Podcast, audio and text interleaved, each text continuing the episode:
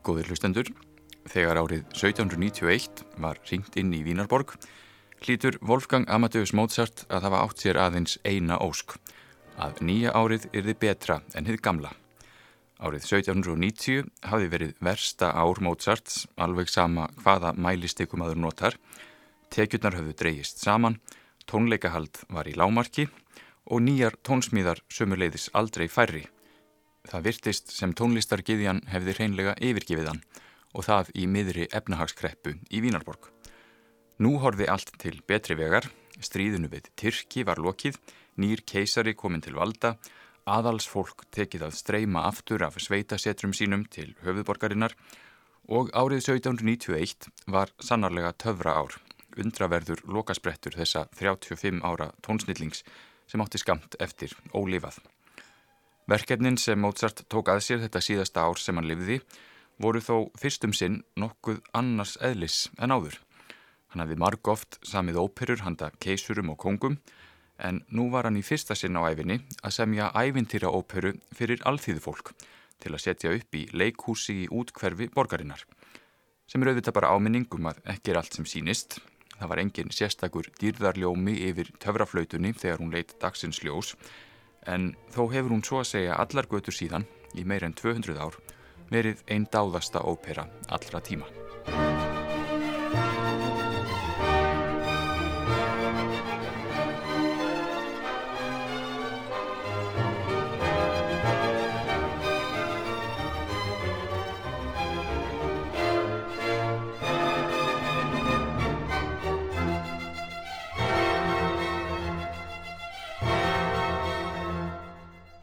Töfraflautan var svo fyrri af tveimur óperum sem Mozart samti síðasta árið sem hann livði. Þetta er ópera við þýskanteksta, samin með það fyrir augum að skemta almenningi af öllum stjettum. Í útkverfum Vínarborgar voru starfrækt nokkur gaman leikús og einu þeirra, Theater auf der Wieden, stýrði leikarin og söngvarin Emanuel Schikaneder. Þeim Mozart hafði verið vel til vina í um áratug Allt frá því að leikhópur Sikaneters hafði vetursettu í Salzburg við góðar undirtektir. Mozart samdi megnið af töraflautunni vorið og sumarið 1791 og eflaust hefur hann einnig haft hönd í bakka með að smíða söguþráðin. Þetta er ævintýri um baráttu góðs og íls en þetta er líka hugljúf saga um prinsinn sem fórnar öllu fyrir ástina og fær dóttur drottningarinnar áður en tjaldið fellur. Svo er söguþráðurinn líka fullur af tilvísunum í speki frímúrara sem kemur eitthvað á vart þar sem báðir höfundarnir tilheyrðu reglunni. Þegar óperan hefst hefur prinsessunni Pamínu verið rænt af æðstaprestinum Sarastro sem virðist við fyrstu sín algjört ílmenni. Leksían hér er kannski einmitt svo að maður skildi varast að dæma fólk af því sem aðrir segja um það.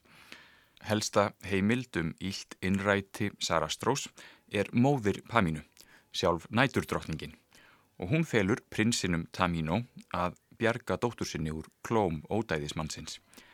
Í fylld með Tamino er fugglaveiðarinn Papageno sem er indæll einfeldningur. Honum finnst gott að njóta listisemda lífsins og hann óskar sér einskis heitar en að eignast góða konu til að verja lífinu með. dir Vogelfänger bin ich ja stets lustig, heißer die Ich Vogelfänger bin bekannt, bei alt und jung im ganzen Land. Weiß mit dem Locken umzugehen und ihn auf Pfeifen zu verstehen. Drum kann ich froh und lustig sein, denn alle Vögel sind ja mein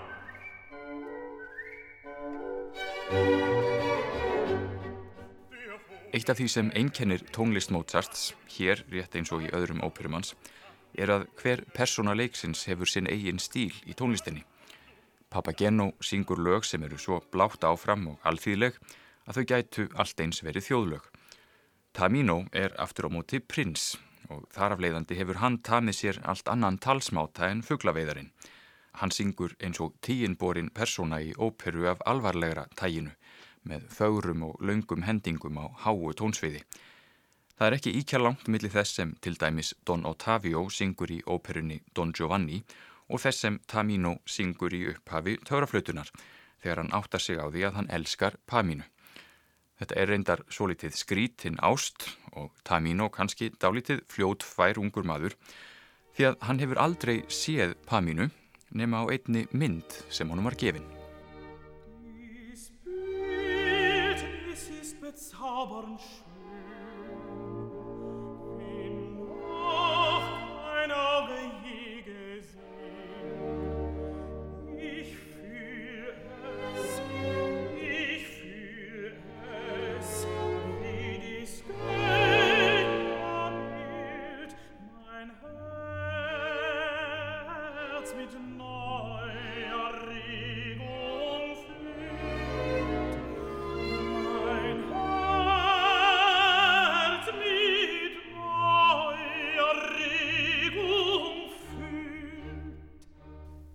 löngu frá því að Tamino kemur að hofi Sarastrós þar til hann átta sig á því að hann hefur fengið kól rángar upplýsingar um þann sem þar ræður ríkjum.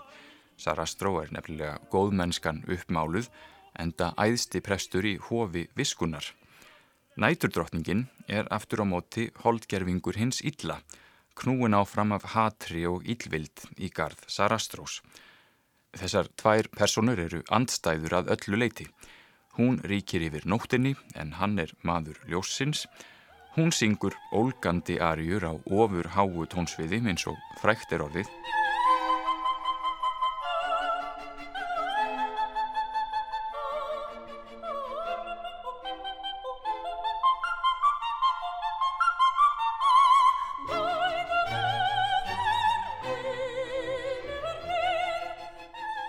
Sarastró æðstiprestur er aftur á móti bassi af dýpri gerðinni. Hann syngur helst hæga og háleita sálma og það er eins og ekkert geti komið honum úr jafnvægi.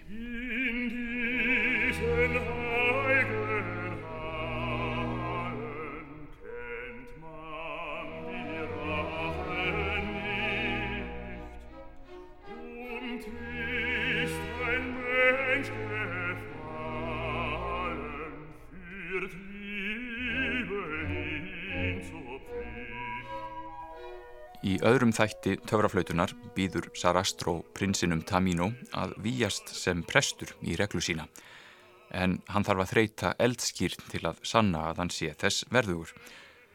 Þetta er nú ekki tekið út með sældinni og kemur í afvel hinnu mjög svo nýtilkomna sambandi þeirra Pamínu í dálítið uppnám. Tamino þarf að gangast undir þagnarbindindi og þegar hann yrðir ekki lengur á ástina sína fer Pamínu að gruna að hann elski sig ekki lengur.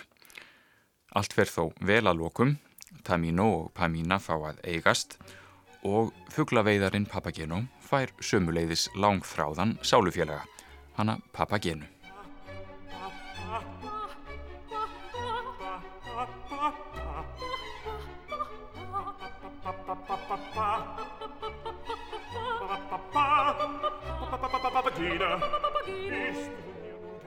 Töfraflautan er óvenjulega fjölbreytt og margslungin ópera.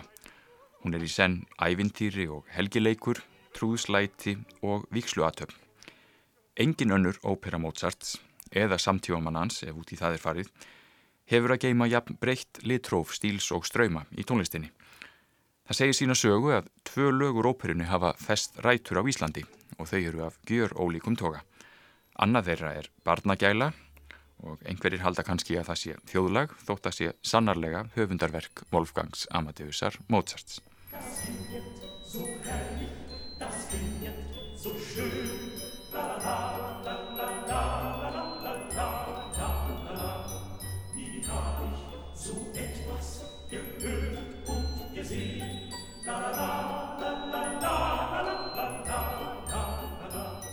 Hann Tumi fer á fætur sem hér á landi hefur lengi verið sungið í texta Freysteins Gunnarssonar skólastjóra er sem sagt upprunalega úr töfraflautu Mozarts. Sama gildir líka um lag sem Íslandingar hafa í meira en öld sungið sem jólasálm þótt að hafi nákvæmlega ekkert að gera með jólin í töfraflautinni.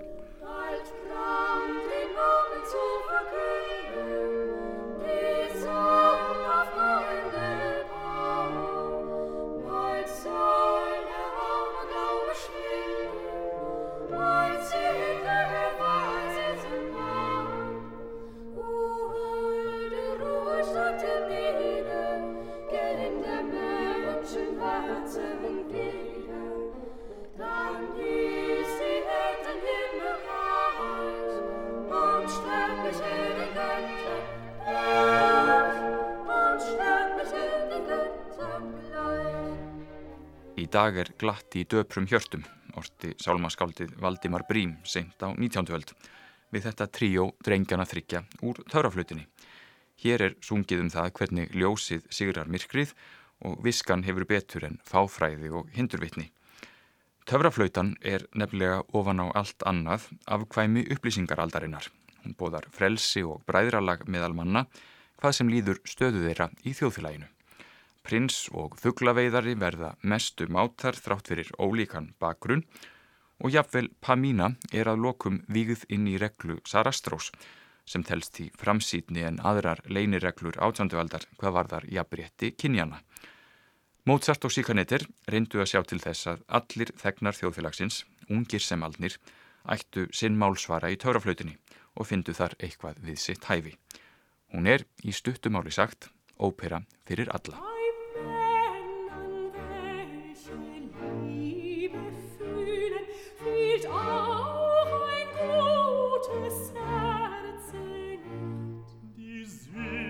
diesen Triebe mit zu fühlen ist an der Weiber erste Pflicht.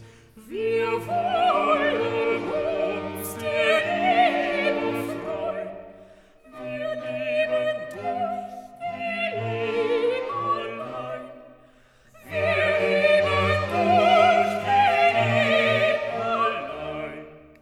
Töfraflautan var frumsýnd 30. september 1791 og Mozart stýrði sjálfur fyrstu tveimur síningunum. Hann hafði aldrei fyrr upplifað því líkar viðtökur í Vínarborg. Óperan var sínt kvöld eftir kvöld og fjölmörg atriði voru klöppuð upp. Það týðgæðis nefnilega í óperuhúsum átjöndu aldar að endur taka ariur ef áheyrendur kröfðust þess sem gatt auðvitað gert langar óperusýningar en lengri. Og hafi einhver tíman slest upp á vinskapin hjá Mozart og Antonio Salieri virðis sem töfraflautan hafi gefið þeim tilefni til að ná sáttum að minnstakosti á yfirborðinu. Mozart bauð Salieri og ástkonu hans, sopransönkuninni Katarínu Cavalieri, að sjá tauraflautuna í oktober 1791 og ekki verður annað ráðið af lýsingu hans en að allt hafi farið eins og best varð á kosið.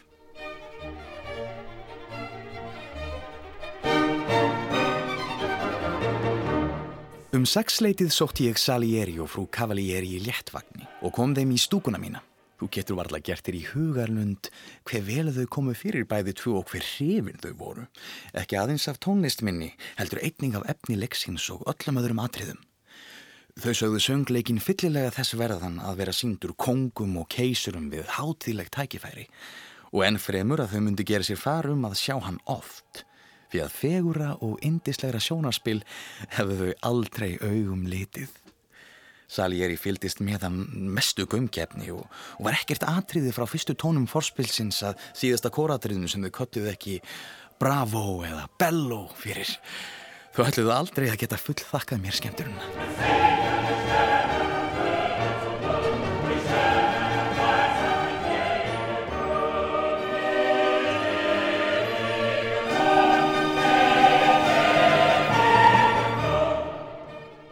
En þótt tauraflautan gengi glimrandi vel og væri sínd fyrir fullu húsi, allt þar til Mozart lést, fekk hann ekki nema litla hlutdeild í gróðanum. Megnið hýrti Emanuel Sikaneter og það var í fullu samræmi við vennjur átjóndualdar. Töfraflautan leisti ekki úr öllum fjárhagsvandræðum Mozarts og því varðan síðasta árið sem hann lifði að takað sér ímis smærri verkefni sem gáfu eitthvað í aðra hönd en voru misjaflega áhugaverð frá listrænu sjónamiði.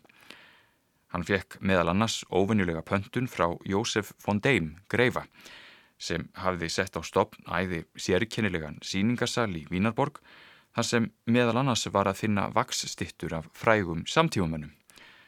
Deim greifi var eins konar Madame Tussaud átjándualdar. Einn nýjasti síningargripurinn var minnisvarði um austurísku stríðshetjuna Ernst von Laudon, sem hafði heldur betur staðið sína plikt í orustum Habsborgara svo áratugum skipti en var nú ný látin. Jósef von Deim let útbúa eins konar grafhísi þar sem stitta af hetjunni hafði verið lögð í glerkistu og síðan leik sjálfspilandi orgel, sorglega tónlist, marskálnum til heiðurs á klukkutíma fresti.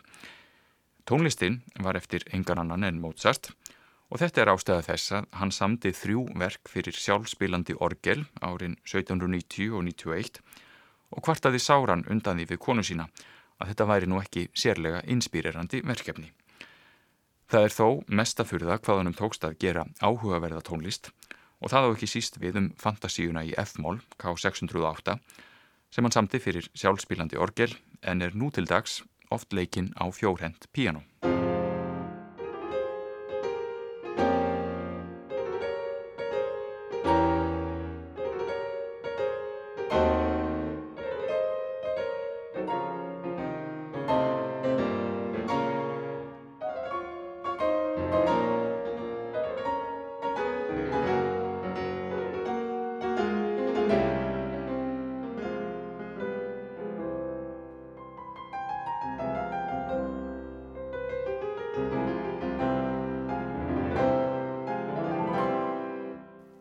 Fantasíu í F-mól, eitt af verkunum sem Mozart samti fyrir vaksmyndasapn Greifan okkurs í Vínarborg árið 1791. Þetta er dramatísk tónsmíð á köplum, hún sínir áhuga Mozarts á því að dýfka intakinnar klassísku tónlistar með auknum krafti og sömulegðis með sjálfstæðum röttum í anda barokktímans. Þessi tækifæristónsmíð náði óvænt nokkrum vinsældum og eftir lát Mozarts var hún gefin út í útsetningum fyrir ímsa hljóðfærahópa. Jafnvel sjálfur Beethoven átti nótur að þessu verki og tónlistin er svo sannarlega til marg um það að Mozart gatt fundið innblástur jafnvel í hinnu hverstagslegasta verkefni.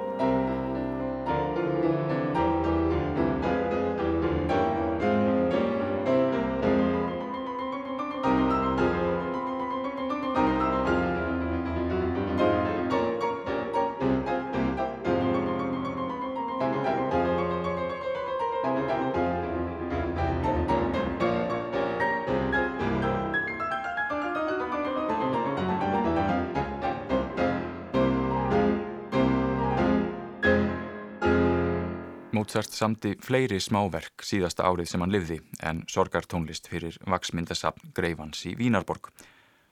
Konstanza, konans, var þunguð af sjötta barni þeirra en hafði átt við vanheilsu að stríða og um sömarið dvaldist hún nokkrar vikur á heilsuhæli í Baden um 30 km söður af Vínarborg. Þángað heimsótti Mozartana í júni og þann 17. sama mánadar samti hann lítið kórverk handa kórstjóra kirkjunar í bænum Anton Stoll. Mozart var vitaskuld sjálfur katholskur og vissi allt um helgidaga kirkjunar og þá söng teksta sem tilheyrðu hverjum og einum hátíðistegi. Það var því engin tilviljun að tekstin Ave Verum Corpus, sem er gömur latnesk bæn frá 13. öld, er einmitt sungin á Corpus Christi, dýradag eða kristlíkama hátíð, sem er í katholskum sið hátíðistagur í tilefni af nærveru Krists í brauði og víni hins heilaga sakramentis. Það var ekki nema rétt tæp vika í þessa hátíð þegar Mozart festi tónana á blað og þessi indislega mótetta var auðvitað frumflutt af kirkjukórnum í Baden á hárréttum hátíðistegi fáinum dögum eftir að Mozart samti verkið, þann 23. júni 1791.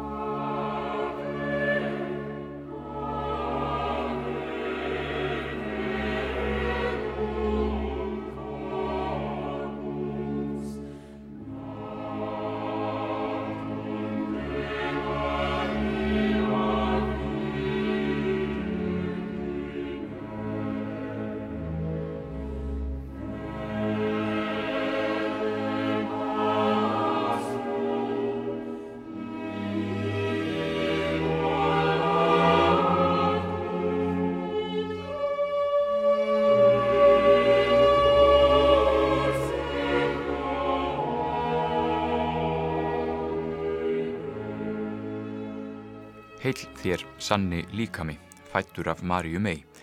Kórmótetta Mozarts sem hann samti sem eins konar tækifæriskjöf handa kórstjóranum Anton Stoll í Baden, sumarið 1791. Hér sem víðar í verkum Mozarts, þetta síðasta ár sem hann livði, næran svo að segja fullkomnu jafnvægi milli einfallleika og djúprar tjáningar.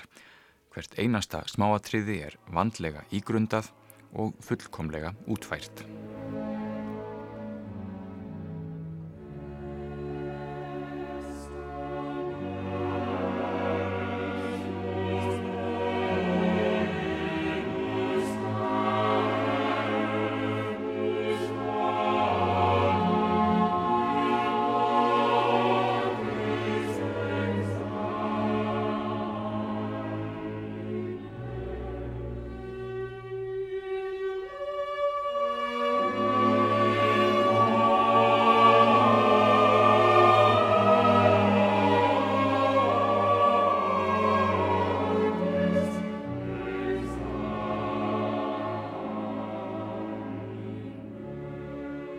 Ave Verum Corpus, mótetta eftir Mozart, samin sumarið 1791. Það var ekki að ástæðu lausu sem Mozart sneri sér aftur að kathólskri kirkutónlist eftir all nokkuð hlið, því að nú virstist sem framtíðans í Vínarborg yrði einmitt sem kirkutónskáld. Í mæ þetta sama ár hafði borgarráðið samþygt umsókn Mozarts um stöðu aðstóðar tónlistastjóra Stefánskirkjunar í Vínarborg. Þetta var reyndar ólaunuð staða og henni fyldu engar hvaðir en ástæða þess að skipað var í stöðuna var svo að starfandi tónlistastjóri, Leopold Hoffmann, var mjög heilsutæpur og yfir menn kirkjumála virðast hafa metið stöðuna þannig að hann gæti jafnvel rokkið upp af á hverju stundu. Hugmyndin var svo að ef það gerðist, yrði Mozart næstur í rauðinni. Þá hefðan orðið einn áhrifamesti kirkjutónlistarmadur í keisaradæminu og öll fjárhagsvandræði væru auðvitað úr sögunni. En svona geta örlögin verið grimm. Mozart lést tveimur árum á undan Hoffmann og fekk því aldrei starfið sem honum hafi verið lofað. Síðustu mánuðina sem Mozart lifiði sá hann að einhverju leiti fram á bjartari tíma, komin með nýja stöðu, en Þó skildi maður varast að gera of mikið úr uppsveiplunni í lífi Mozarts. Jú, skuldastadan hafði vissulega skánað, en þótt hann væri komin með lovorðum fast starf, var það ekki draumastarfið. Mozart hafði flust til Vínarborgar tíu árum fyrr til að gerast óperutónskáld, ekki til að semja kirkitónlist.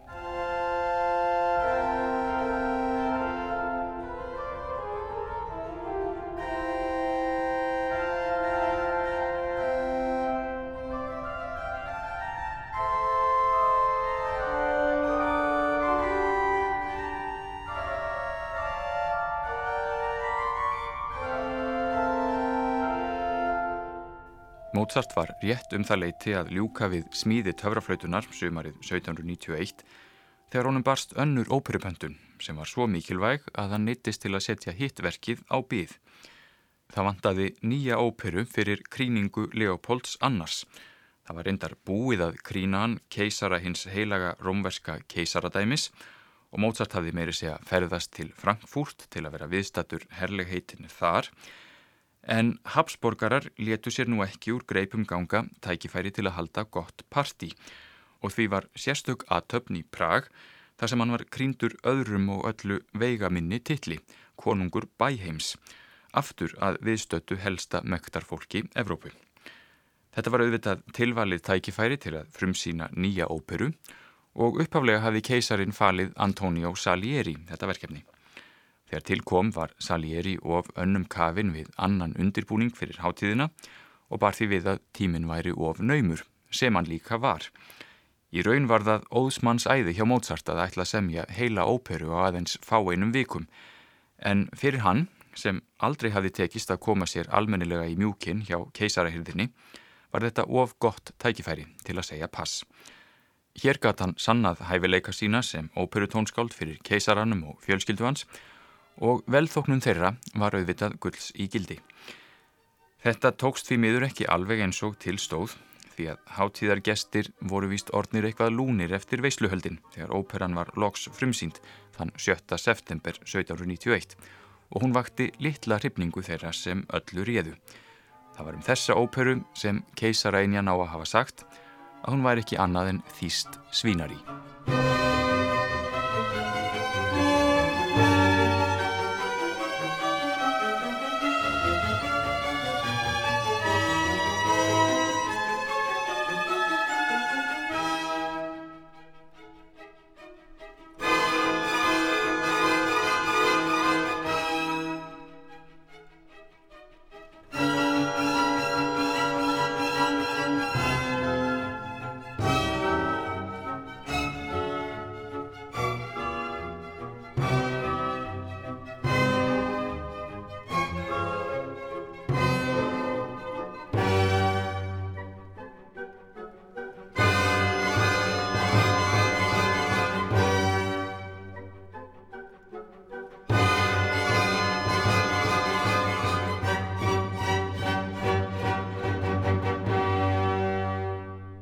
Óperutna tvær sem Mozart samti síðasta árið sem hann lifði gætu ekki verið öllu ólíkari.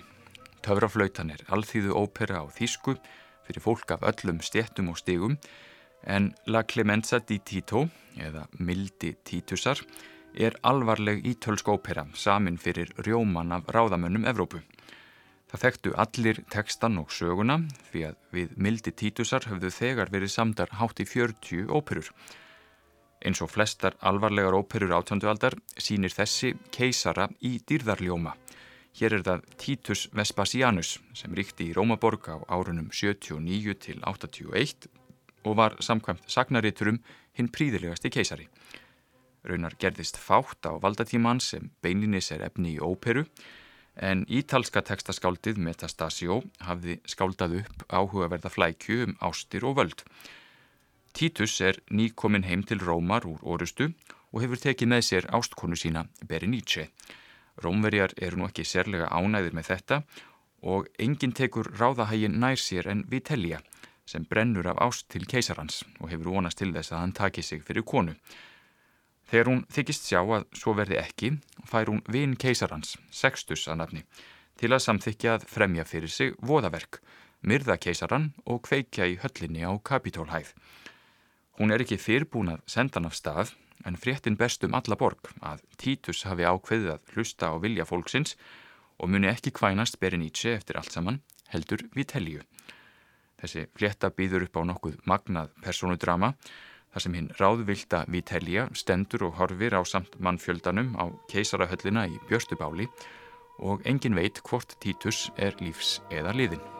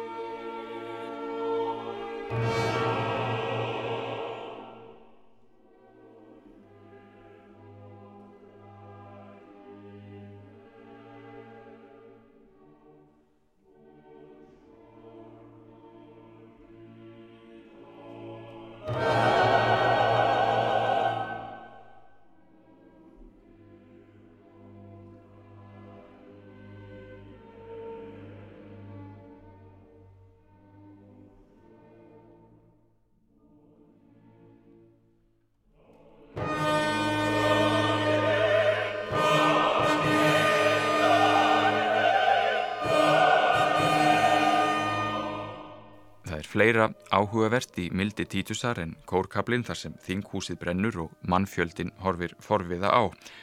Í för með Mozart til Prag voru eigin konans Konstanza og tveir vinir, Frans Saver Susmer, sem var honum innan handar og samti jafnvel eitthvað af sönglesunu í óperunni til að flýta fyrir, og klarinettleikarin Anton Stadler, sem var einn færasti blástusljóðfæraleikari í Vínarborgum þessar myndir. Hann tók sér sæti í óperuhljómsutinni og hann er ástæða þess að Mozart samti sérlega krefjandi klarinettpart í þessari óperu. Stundum á varla á milli sjá hvort um er að ræða ariu fyrir söngkonu eða einleikskonsest fyrir klarinett. Útkoman er dálítið eins og að hlusta á tvær óskildar hljóðrásir í einu sem hljóma þó alveg fullkomlega þegar þær eru lagðar saman.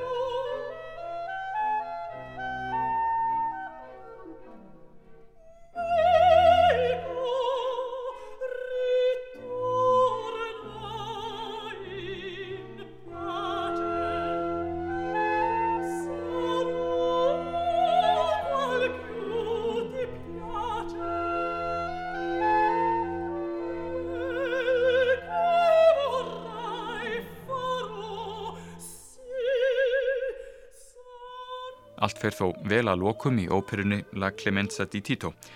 Titus lifir morð til ræðið af og hann er svo góð hjartaður að hann fyrirgefur þeim sem vildan feigan. Þegar tjaldið fellur eru allir sáttir með lífið og tilveruna í Rómaborg. Þetta var með öðrum orðum hinn fullkomna gríningarópera um vitran og góð hjartaðan keisara sem setur þarfir ríkisins ofar sínum eigin.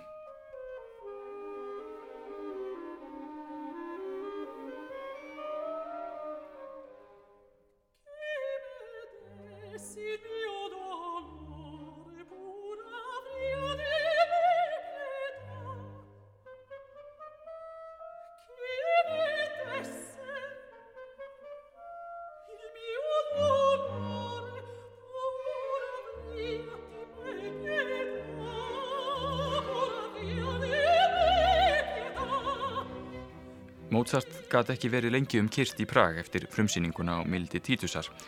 Hann þurfti að halda aftur til Vínarborgar þar sem æfingar stóðu sem hæst fyrir töfraflautuna. Hann dreif sig í að semja forleikinn og eitt söngnúmer sem enn vantaði upp á og rétt eftir frumflutningin í oktober 1791 samdan svo klarinettkonsert handa góðvinni sínum Anton Stadler. Þetta var síðasta stóra verkið sem Mozart lauk við áður hann lést. Hann átti innan við tvo mánuði eftir ólifaða.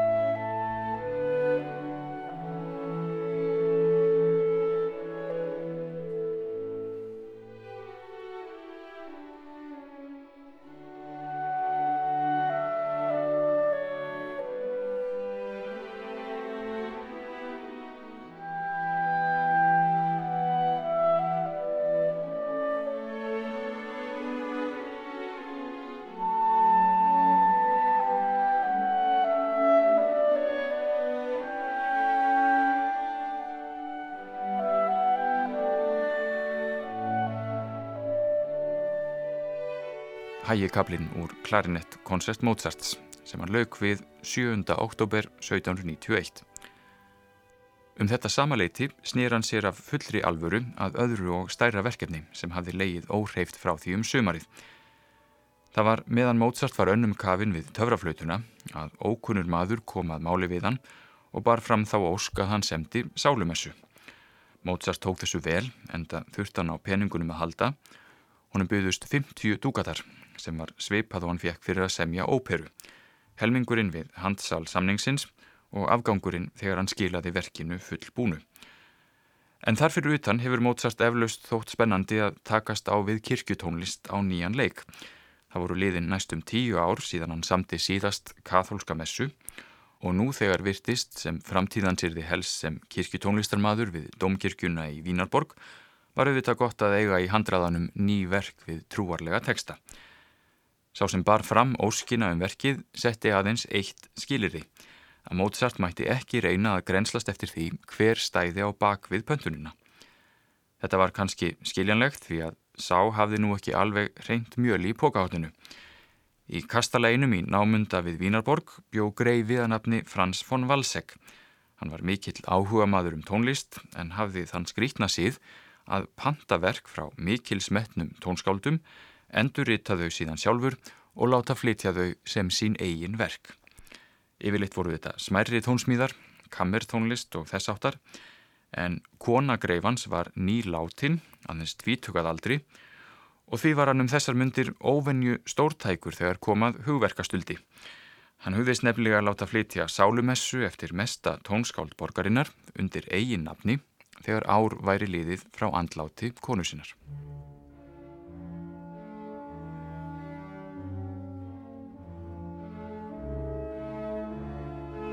Um ekkert verk Mozarts hafa spunnist eins margar sögur og um einmitt sálumessuna, ekki síst af því að honum endist ekki aldur til að ljúka við verkið. Og það er vitaskuld eitthvað sérkennilega fallegt við það að Mozart skuli, síðustu vikurnar sem hann lifði, hafa unnið baki brotnu að því að semja sálumessu handa hinn um látnu.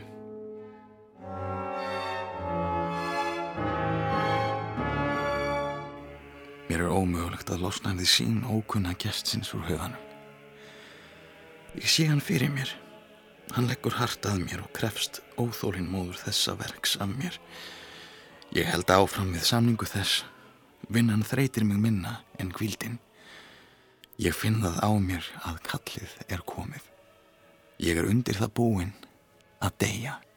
Ég er að þrótum kominn. Áður ég gætt fengið að njóta hæfileika mína til fullnustu. En nú lík ég máli mínu. Sálum þess að mín býður. Ég má ekki skilja við hana ófullgerða. Mozart.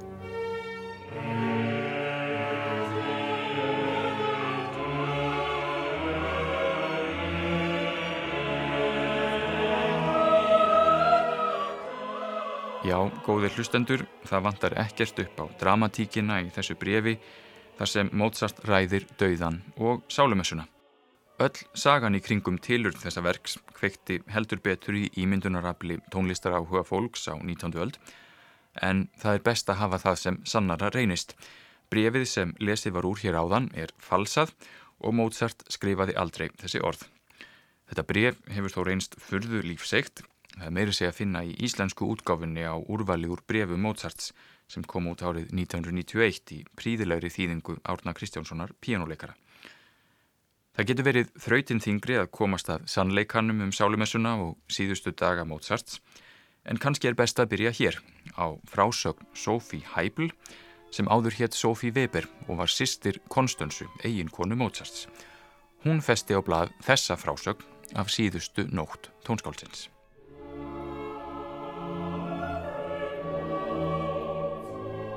Ó, Guð minn, hver mér brá er sýstir mín tók á móti mér, hálf örfinluð en þó með þeirri stillingu sem hún var megnu að sína og sagði við mig Guð þessi lof, kæra Sófí, að þú komst. Í kvöld leiðunum svo illa að ég held hann myndi ekki lifa af þennan dag. Vertu hjá mér, því að ef hann verður eins, mun hann deyja í nótt. Farðu inn til hans og vittu hvernig honum líður þessa stundina. Ég hert upp hugan og gekkað rúmi hans en hann ávarpaði mig þegar í stað með þessum orðum. Æ, hvaða var gott að þér komuð, kæra Sófí. Í kvöld verði þér að vera hjá mér og horfa á mig deyja. Ég reyndi að harka af mér og hugreista hann, en hann ansaði því aðeins, ég finn þegar keim döðans á tungunni. Og enn, hver hjálpar nú konstansu minni ef þér verðið ekki hér eftir? Já, kæri Mótsart, ég þarf aðeins að skreppa til móður okkar og láta hana vita af því að ég verði hjá yður í kvöld, annars kynni hún að óttast um yður. Jú, geri það en komið óðara aftur. Ó, hversu órótt mér var innan brjósts. Vestlingssistir mín kom á eftir mér og bað mig í öllum bænum að finna prestana í Péturskirkunni og byggja einhver þeirra að koma við eins og af tilviljun. Ég gerði það en þeir færðust undan lengi vel og ég átti mjög erfitt með að fá nokkur þessara klerka þrjóta til þess að koma. Þegar ég kom aftur til minnar harmþrungnu sistur satt susmægir við rúmstokkin hjá Mozart. Á senginni lág handritið að sálumessunni og skýrði Mozart fyrir honum hvernig hann hefði hugsað sér að gengið yrði frá því að honum látnum. Hið síðasta sem hann gerði í þessu lífi var að blása út kinnarnar eins og hann vildi reyna að líka eftir lúðrunum í sálumessunni. Ég heyri það enn fyrir mínu innra eira.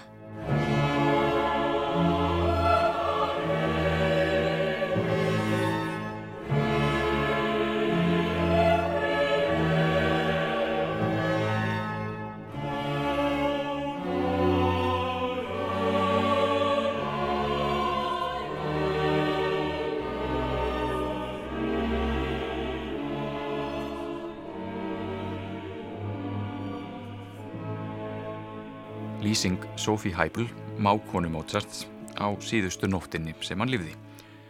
Sumu í þessari frásögn ber nú að taka með hæfilegum fyrirvara en það liðu þrýr áratvíir þar til Sophie, sem var 28 ára þegar Mozart lést, setti þessar endurminningar sínar á blað. Engar aðrar trúverðugar heimildir eru til dæmis um það að Frans Saver Susmer, nefandi Mozarts, sem áður hafði aðstóðan við að ganga frá óperunni Mildi Títusar, hafi setið hjá honum og rætt frágangin á sálumessunni. En þessi mynd af þeim tveimur saman við rúmstokkin í íbúð Mozart hjónanna í Ráansteingasse er svo sannarlega áhrifarík og hún varð leikskáldinu Pítur Sjaffer innblástur í leikritið Amadeus eins og frækt er orðið. Nefna hvað hér er það ekki nefnandin Susmæður sem hjálpar Mozart við tónsmíðarnar, heldur sjálfur keppinauturinn Antonio Salieri. Yes, I understand. Yes, yes. And that's all. No, no, not for the real fire. Strings in unison. Ostinato on A, like this. Next measure is rising. You have yes, it? Yes, yes, Show I think me. so.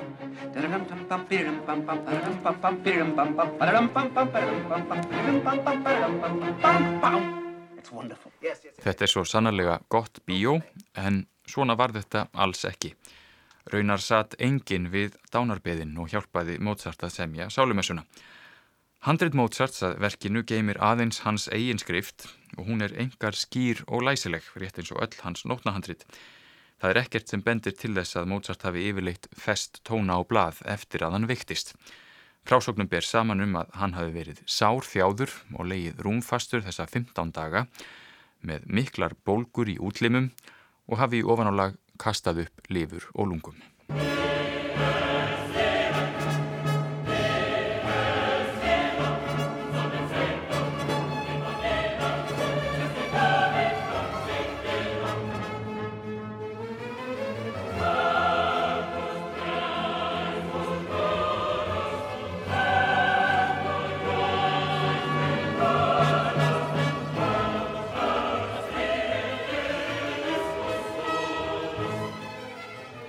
Mozart hafði hugsað sér sálumessuna í 14 þáttum en aðeins tveir þeir fyrstu voru full frá gengnir við látans. Hann hafði einnig samið kórraddir á nokkrum þáttum til viðbótar og párað drögað hljómsveitar meðleik hér og þar. Þó þurfti að semja fimm heila þætti frá grunni til þess að hægt væri að standa við samningin. Annars var hægt við því að Valsek greifi neytaði að greiða fyrir verkið og Konstanza var á heljarþröm. Hún leitaði því fyrst til tónskáldsins Jósefs Æbler en eftir að hafa skoða nóturnar í nokkra daga skilaði hann þeim, sama gildi um annan kunningja Mozarts og því var það að Frans Saver Susmæir var fenginn til að fullgera sálumessuna. Sumt bendir til þess að Mozart hafi þótt fremur lítið til hæfileika hans koma og margir eru þeirra skoðunar að viðbætur Susmæirs séu lagkari að gæðum en aðrir hlutar verksins. Sagan um að Susmæður og Mozart hafi rætt hvernig best væri að ljúka verkinu var líklega tilbúningur sem átti að tryggja trúverðurleika verksins í heild. Við vitum ekki einu sinni hvort Susmæður hafði nokkrar skissur Mozart til hliðsjónar fyrir kaplana sem ekki eru til í eiginhandaríti. Sumt í setni hlutaverksins er svo sannfærandi að það gæti vel hafa komið frá Mozart sjálfum en í öðrum tilvikum vitum við að Mozart ætlaði sér hluti sem Susmæður vildi ekki eða gat ekki framkvæmt. Til dæmis líkur Lacrimosa þættinum í gerð Susmæðers með tveimur einföldum hljómum.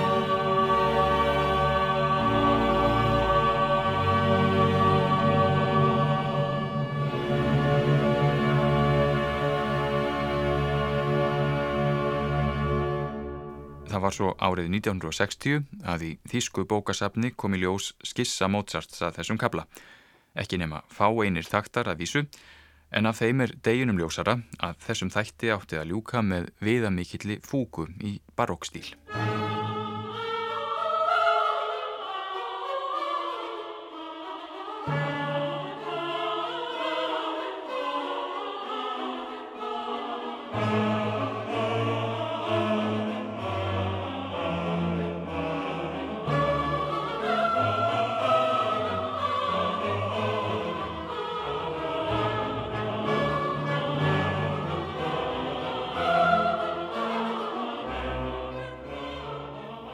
Ólíkt meiri vandi að semja tveggja mínútna fúku en að setja tvo hljóma á blað eins og susmæður gerði. Hér heyrum við brot úr Amen fúkunni eins og enski tónlistarfræðingurinn Duncan Drews gekk frá henni árið 1984. En áðurum við kveðum upp áfællistóm yfir susmæður, nefnanda Mozart sem fyrstur lauk við sálumessuna, er best að hafa í huga að kannski fekk hann aldrei í hendur þetta litla blað með skissunni. Það hefur hæglega getað farið á flakk eða gleimst í öllum glundróðanum eftir dauða Mozarts. Hvað um það? Á síðustu áratugum hefur það orðið eins konar óformleg keppnisgrein tónlistarfræðinga að ljúka við sálumessu Mozarts upp á eigin spýtur og reyna að gera betur en susmæðir. Hvort það verður nokkru sinni hægt er vissulega vafamál, En nú geta flytjendur og hlustendur að minnstakosti valið úr 16 nýjum gerðum að sálumessu Mozart sem hver hefur sitt sérstaka yfirbræð og fyllir í eigðurnar hver á sinn hátt.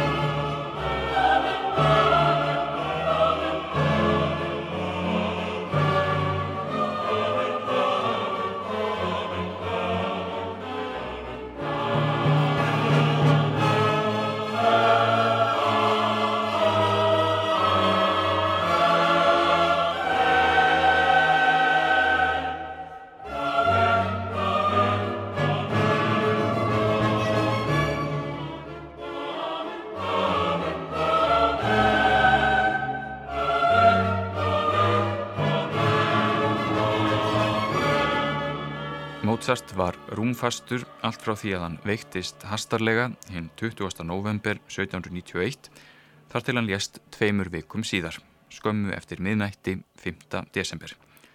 Hann var tæplega 36 ára gamal. Útförin fór fram frá Stefánskirkjunni degi síðar og hún var fámenn, aðeins fá einir vinir. Konstanza var buguð af sorg og treysti sér ekki til að vera viðstödd. Oft er þess getið í frásögnum um andlátið að Mozart hafi verið lagður til hinstu kvílu í fátækragröf.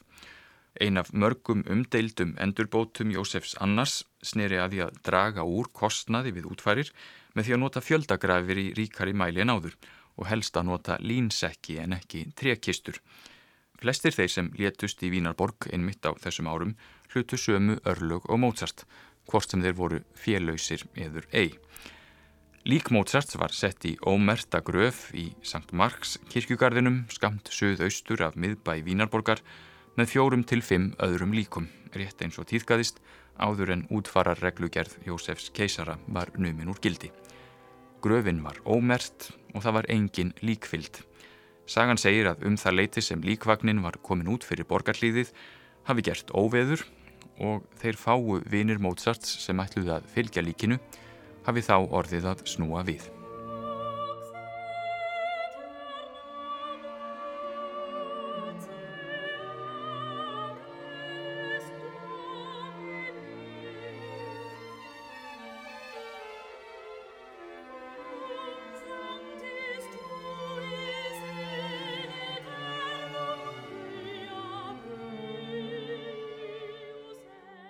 Þær eru sannarlega dramatískar frásagnirnar af andláti Mozarts en úr hverju dóan eiginlega. Um það eru ýmsar tilgátur. Það var snemmaferðið að ræða það hvort eitrað hafi verið fyrir honum, sumisögðum Salieri hafa verið að verki, aðrir skelltu skuldinni á frímúrara, en auðvitað er ekkert hæft í slíkum sögursögnum. Nú eru flestir á því að banameinið hafi verið giktarsótt sem er tilkomin vegna streptokokkasíkingar. Í dag er gefið pensilín við slíkum síkingum en þetta var bannvæn veiki á átjönduöld. Meðal einnkjana eru hiti, miklir verkir og bólgur í útlimum og þegar verst létt gæt þessi veiki valdið hjartabilun og dauða. Mozart hafi þrísvarið að fjórum sinnum áður fengið svona síkingu og það er vitað að afleiðingarinnar geta orðið alvarlegri eftir því sem hún kemur oftar fyrir og eftir því sem sjúklingurinn eldist. Sálumessan var enn ófullgerð en þó voru fyrstu tveir þættirnir, þar segja þeir einu sem Mozart gekk frá að öllu leiti, frumfluttir aðeins nokkrum dögum eftir að hann lést á minningaratöfn sem félagar hans meðal tónlistarmanna í Vínarborg stóðu fyrir. Konstanza, eiginkona Mozarts, livði lengi enn. Hún lést 51 ári síðar, áttræð að aldri. Fyrstu árin eftir andlát Mozarts var hún í miklum fjárhagskrökkum og átti erfitt með að sjá drengjunum sínum tveimur farborða Karl Tómas var sjú ára þegar fadir hans lést en Frans Saver var ekki nema fjóra mánuða gammal. Konstanza aflaði sér helst fjár með því að selja handrit Mozarts forleggjurum og aðalsfólki og hún naut góðs af því að vinseldir Mozarts jökust ár frá ári svo að þegar áratögur eða svo var liðin frá láti Mozarts var ekki hans orðin vell auðug. Konstanza giftist aftur danska diplomatanum Georg Nikolás von Nissen og með hennar aðstóð skrifaði Nissen eina af fyrstu stóru æfisugum Mozarts. Þau byggu í Kaupanahöfnum tíu ára skeið en eftir að Nissen lést fluttist Konstanza til Salzburgar, bæjarinn sem fyrri eiginmaðurinnar hafði varla þólað. Þar lést hún í mars 1842 og þar sem engin veit nákvæmlega hvar Mozart er grafin var Konstanza lögð í hinstu kvílu í Salzburg í gravreit með teindaföður sínum Leopold sem á sinni tíð hafði gert allt hvaðan gatt til að koma í veg fyrir samband þeirra tvekja. Ágættu hlustendur, þetta er loka þátturinn í þessari röðum Wolfgang Amadeus Mozart. Við höfum kynst ímsum hliðum þessa óviðjafnanlega snillings, undrabarninu sem vakti fyrðu allrar Evrópu, skopfuglinum sem var ófeimin við að ganga fram af fólki með orðbræði sínu og tónsmýðum, en sem með árunum breyttist í alvarlega þengjandi og metnaðarfullan tónlistarmann. Við höfum fylst með sárum móðurmissi og deilum við ráðríkan föður, Tilraunum hans til að skapa sér fastan starfsvettfang, uppsveiplum og niðursveiplum eftir því hvernig vindar blésu í menningarlífi Vínarborgar. En það er fyrst og fremst tónlist Mozarts sem stendur alltaf fyrir sínu og þrátt fyrir dapurlegan döðdaga lifa meistarverk hans enn og gera líf okkar ánægulegra enn þann dag í dag. Allar upplýsingar um tónlistina sem hér hefur hljómað er að finna á heimasíðu þáttarins á rúf.is og það er einnig að finna alla fyrri þættina í þessari röð um Mozart. Ég þakka hlustendum samfélgina, verið þið sæl.